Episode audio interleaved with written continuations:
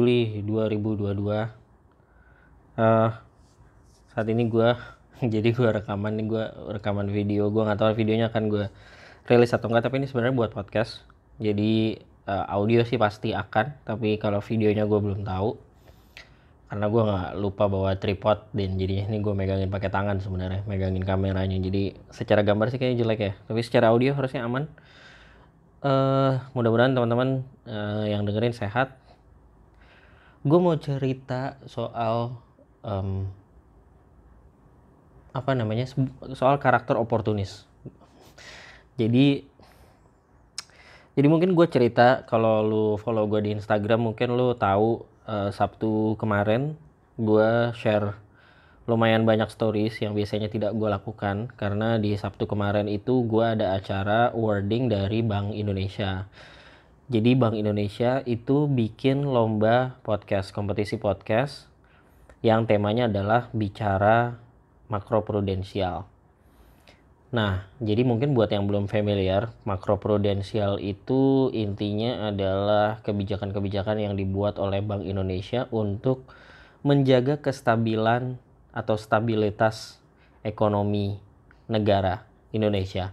Nah, Hmm, tentu itu isu yang sulit ya, isu yang kompleks. Makanya Bank Indonesia bikin kompetisi ini gitu, kompetisi podcast. Harapannya ngajakin orang-orang buat gimana caranya bisa ngasih tahu ke orang awam tentang apa sih makroprudensial itu dan kenapa Bank Indonesia melakukan uh, membuat kebijakan-kebijakan itu tapi dengan kemasan-kemasan yang mudah dipahami orang. Nah, uh, dibuatlah si kompetisi podcast ini dan gue ikutan dan alhamdulillahnya juara satu. Alhamdulillah juara satu um, ah lumayan banget lah lumayan banget. Karena hadiahnya ada hadiah tunai terus uh, finalis-finalis juga dikasih nginep di hotel Grand Hyatt. Hotel Grand Hyatt bro. Di tengah bund di bundaran HI itu kapan lagi ya kan dapat dapat nginep di hotel bintang 5 kalau nggak karena kompetisi ini gitu jadi eh, dua itulah. Dan gue kemarin liburan ya liburan singkat lah sama anak dan istri juga gitu. So uh, ya gue juara satu. Senang banget. Tapi yang mau gue ceritain sih mungkin cerita ini ya. Nggak um, tahu ya gue tuh dari kuliah udah rajin bahkan dari sekolah. Dari sekolah gue tuh emang tukang lomba tukang ikut lomba. Kalau yang kenal gue dari sekolah atau kenal gue dari kuliah pasti tahu ini gitu. Gue tukang ikut lomba. Zaman gue sekolah gue kan dulu di pesantren ya SMP SMA di pesantren gue tuh selalu nyari apa lomba di luar sana yang bisa gue ikutin. Karena kalau dulu pas zaman gue pesantren kalau gue ikut lomba gue bisa keluar dari pesantren karena kan kalau di pesantren kan kita di, tinggal di asrama kan. Dan kalau gak liburan ya nggak bisa keluar gitu. Ya udah di dalam asrama aja. Tapi kalau lu ikut lomba lu bisa keluar. Karena lu wakilin sekolah untuk kompetisi di luar. Jadi di, eh, dibayarin jalan-jalan dan lain-lain. Nah makanya gue tuh dulu selalu nyari apa aja kompetisi yang bisa gue ikutin gitu. Gue pernah ikut lo kompetisi yang paling keren banget secara prestasi OSN gue ikut OSN uh, eh, gue juara tiga se kabupaten terus uh, mewakili kabupaten Bekasi di Jawa Barat. Jadi gue dulu SN sampai level provinsi. Tapi habis itu ya udah keok aja. Tapi ya gue jalan-jalan ke Lembang gitu kan. Karena kan uh, lombanya di Lembang waktu itu. Terus uh, gue pernah ikut lomba futsal. Gue pernah ikut lomba takraw. Gue dulu juara takraw. Juara satu takraw sekabupaten. Mewakilin sekolah gue dan gue juara satu bukan karena jago tapi karena yang ikutan lomba takrawnya cuma ada tiga sekolah. Tiga sekolah jadi gue tanding sekali masuk final. Jadi ada kan tiga sekolah ya. Satu satu tuh kayak lucky draw gitu. Jadi dia langsung masuk ke final gitu. Jadi gue ngalahin satu. Abis itu ya udah final terus gue juara gitu ya. Gue juara satu kabupaten karena yang ikutan cuma tiga sekolah. Well winning is winning bro. Uh, jadi gue juara gue pernah ikutan lomba takraw futsal OSN biologi gue pernah ikut lomba lomba sains jadi uh, komprehensif tuh ada matematikanya ada biologinya ada fisikanya gitu gitu lah. Terus ikut lomba bahasa Inggris pidato bahasa Inggris speech. Apalagi ya gue pernah ikut lomba. Banyak lah pokoknya. Nah gue uh, gue ikut lomba gue seneng karena bisa keluar kalau zaman pesantren. Plus gue nah gue nggak nyadar dulu. Tapi ternyata setelah ikut beberapa tes psikologi gitu gue memang orangnya oportunis. Oportunis artinya gue bisa melihat opportunity atau bisa melihat peluang. Gue punya kemampuan untuk melihat peluang yang oke. Okay. nah uh, eh, gue nggak tahu orang kayaknya beda-beda level oportunis orang beda-beda. Tapi gue ternyata punya level oportunis yang cukup tinggi. Gue bisa melihat kalau ada sebuah keadaan situasi gue ngeliat nih kayaknya bisa nih ini kayaknya bisa nih gitu. Jadi gue bisa ngeliat peluang itu. Pas zaman kuliah gue juga rajin ikut lomba karena selain karena gue punya karakter oportunis tadi tapi karena juga gue butuh uang. Jadi kalau lomba ya zaman kuliah kan uh, eh, dapat uang ya bisa beli buku bisa makan enak bisa bayar kosan gitu gitulah jadi gue ikut lomba poster desain gue ikut lomba MTQ dulu di UI tapi nggak juara. Uh, terus gue ikut lomba apa lagi ya? Debat bahasa Indonesia pernah. Hmm, lomba debat bahasa eh speech bahasa Inggris pernah. Lomba apalagi ya gue zaman kuliah. Oh lomba bisnis paling banyak. Gue ikut lomba bikin proposal bisnis ikut lomba case marketing pada gue anak biologi. Ikut lomba nulis. Wah banyak lah pokoknya. Pokoknya kalau ada kesempatan lomba apa pun yang bisa gue ikutin dan ada hadiah uangnya atau ada hadiah sesuatunya gue pasti ikutan. Gue hajar gitu. Dan alhamdulillah banyak tuh gue dapet uang bisa hidup dari karena lomba gitu. Nah hmm, ketika udah masuk dunia kerja pun beberapa kali gue ikut lomba dan ya mungkin set, agak vakum agak lama gitu. Baru ikut lomba lagi yang Bank Indonesia ini. Dan gue tertarik waktu itu yang lomba podcast Bank Indonesia ini karena temanya menurut temanya satu temanya gue tuh lagi karena gue mungkin kalau lo dengerin juga kan gue belakangan ini lagi ada uh, episode soal lingkungan gitu ya. Soal lingkungan soal green jobs soal renewable energy dan lain-lain. Dan uh, si lomba podcast Bank Indonesia ini ada salah satu topiknya yang ekonomi hijau which is jadi align dengan apa yang emang gue lagi risetkan pada saat itu gitu. Jadi kayak gue ngerasa wah ya oke okay nih peluangnya gitu. Karena gue juga emang lagi riset itu jadi gue nggak baru-baru banget itu satu. Kedua gue lihat topiknya tuh berat banget. Topiknya bicara makroprudensial uh, nyebutnya aja susah kan sehingga gue melihat peluang di sana. Kalau yang ikutan lomba ini kemungkinan besar atau pasti sedikit. Uh, dan ternyata benar dugaan gue gue nggak tahu sih berapa banyak yang ikutan dan lain-lain tapi kalau dilihat dari kan jadi kalau ikutan lomba itu harus lu harus ngepost di Instagram juga gitu ya. Terus lu harus lihat hashtagnya. Ah, harus harus pakai hashtag tertentu dan lu bisa lihat orang-orang yang ngepost pakai hashtag tersebut gitu kan turns out nggak banyak setidaknya dari penglihatan gue ya. Nggak banyak tuh kayak nggak sampai 100 juga nggak gitu. Jadi gue dari awal sudah melihat kayaknya nih opportunity-nya cukup oke okay. peluangnya cukup besar gitu. Uh, apalagi apalagi um, lomba ini tuh waktu itu deadline-nya tanggal berapa habis itu kayak uh, ada pengumuman deadline-nya diundur satu minggu. Nah sebagai orang yang sudah lama ikutan lomba gue tahu bahwa kalau ada lomba deadline-nya diundur tidak bukan karena alasan apa-apa kecuali karena yang ikutan belum memenuhi target. Gitu. Jadi ya itu good news buat gue sebagai orang yang mengincar ikut kompetisi ini gitu. Akhirnya ya gue makin yakin gue hajar hmm, gue bikin riset nulis ngedit rekaman dalam dua hari kurang dari dua hari uh, dan singkat cerita alhamdulillah juara satu gitu. Nah hmm, apa hikmah yang bisa diambil? Apa ya?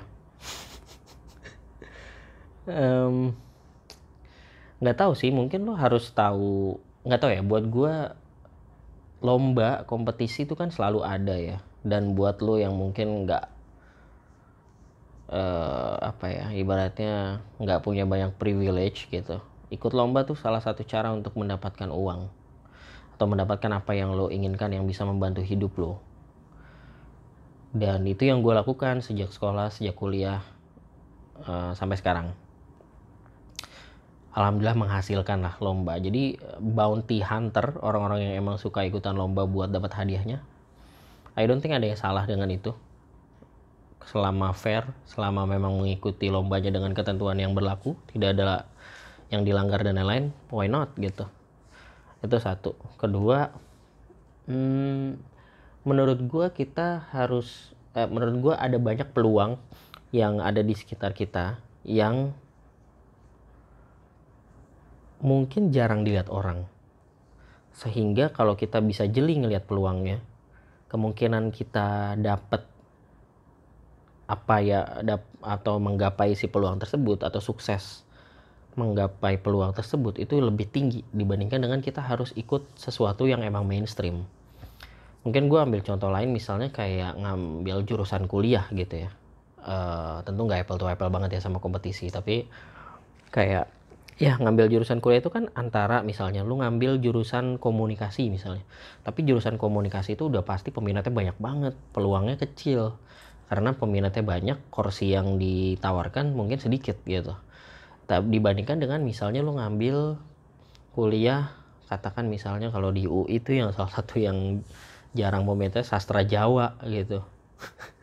Sastra Jawa peluangnya gede karena orang yang mau ngambil itu tidak sebanyak orang yang mau mengambil ilmu komunikasi tapi kursinya bisa jadi sama. Sehingga kan peluangnya lebih besar. Nah kayak gitu-gitu tuh menurut gue harus jeli karena mungkin nggak semua hal atau nggak semua rezeki kita tuh adanya di peluang yang kita rasa mainstream. Ya atau yang memang diperebutkan oleh banyak orang gitu. Bisa jadi juga di sesuatu yang orang nggak banyak lihat tapi ternyata di situ besar juga gitu. Kalau kita fokus dan karena karena yang memperebutkannya sedikit mungkin jadinya lebih lebih mudah untuk kita dapetin itu gitu. Sama misalnya kayak bisnis lo milih bisnis kalau lo bisnis jualan kopi banyak banget saingannya.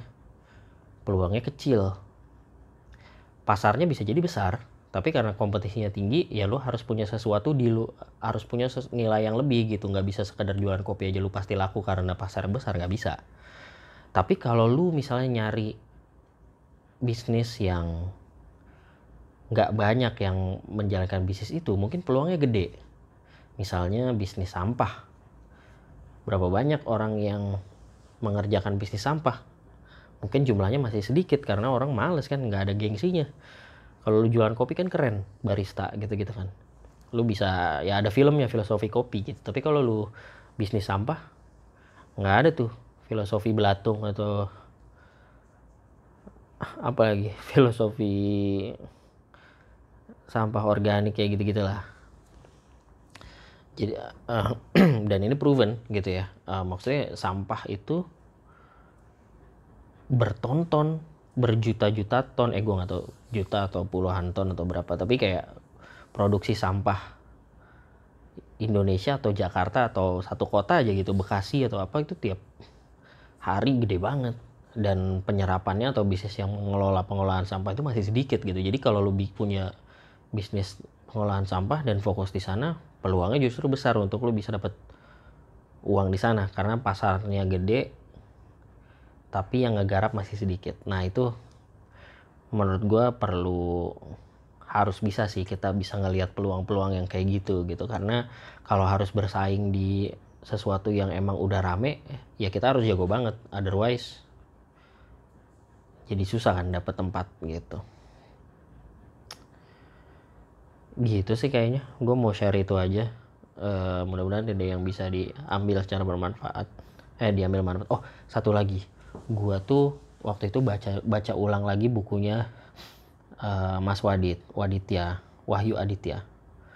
Bukunya uh, sila keenam kreatif sampai mati. Nah di buku itu jadi ini edisi terbarunya. Jadi bukunya sebenarnya udah lama. Abis itu dia nulis edisi terbarunya ada beberapa bab tambahan. Nah di bab tambahan itu dia salah satunya menulis bahwa uh, dia tuh sebagai orang kreatif suka ikutan lomba dulu. Setelah kerja jadi CEO dan lain-lain dia jadi eh dia nggak bilang jadi jarang ya. Dia bilang uh, setelah udah jadi CEO dan lain-lain dia tetap suka ikutan lomba. Bahkan ikutan lomba ikutan lomba-lomba yang kayak mesti ngepost di sosmed gitu-gitu. Dan dia dapat kesenang dapat kesenangan dari itu dan gak gengsi gitu. Maksudnya uh, karena udah jadi CEO terus jadi malu ikutan lomba gitu enggak dia tetap ikutan. Dan bahkan dia dapat hadiah gue lupa apa ya dia ikutan lomba susu atau sosis atau apa gitu terus kayak dia dapat stok sosis banyak banget atau stok susu banyak banget yang bisa diminum atau dimakan selama satu tahun gitu. Dan ya lucu aja sih dan itu salah satu yang menginspirasi gue oh iya gue dulu suka ikutan lomba terus sekarang kayaknya gue mungkin beberapa kali gengsi gitu ya. Ada lomba yang menurut gue lomba kompetisi atau peluang lain lah peluang kerja peluang menghasilkan uang yang mungkin gue bisa dapatkan atau nggak nggak melulu soal uang ya tapi peluang yang bisa gue ambil yang pengen sebenarnya gue ada rasa ingin gitu mengambil peluang tersebut tapi karena gengsi nggak jadi gitu. Dan karena baca cerita Mas Wadid itu gue jadi mikir kenapa gue gengsi ya uh, ya kenapa gue gengsi? Gitu. Kenapa karena gengsi terus gue nggak jadi mengambil peluang tersebut? Gitu sih. Sehingga akhirnya ya ya itu salah satunya ketika gue ngeliat pengumuman lomba podcast ini uh, gue ambil kesempatannya. Dan alhamdulillah keputusan tepat gue juara satu dapat hadiah uang tunai lumayan banget gede banget. 12 juta. Uh, plus dikasih nginep ke Grand Hyatt dua hari dua malam. Eh dua tiga hari dua malam. Kalau diduitin satu malamnya tiga setengah juta. Berarti total gue dapet ya kira-kira 20 juta gitu dari ikutan lomba podcast ini. Very worth it. Very worth fit dengan semua effort yang gue keluarkan. So I guess itu aja sih ceritanya. Um, ya mudah-mudahan ada yang bisa lo ambil. So dan hopefully tidak ditangkap sebagai gue pamer-pamer uh, kalau bahasa Al-Quran tahadus bin nikmah fama bin nikmati rabbika fahadis. Dan dengan nikmat Tuhanmu maka ceritakanlah sama orang. Lo kan gue anggap sebagai pendengar-pendengar ini kan gue anggap sebagai teman gue jadi gue ceritain nikmat yang gue dapatkan kemarin. Mudah-mudahan ada sesuatu yang bisa lo ambil juga. Begitu saja teman-teman. Uh, selamat beristirahat sampai jumpa. Uh, see you in the next episode. And please be subjective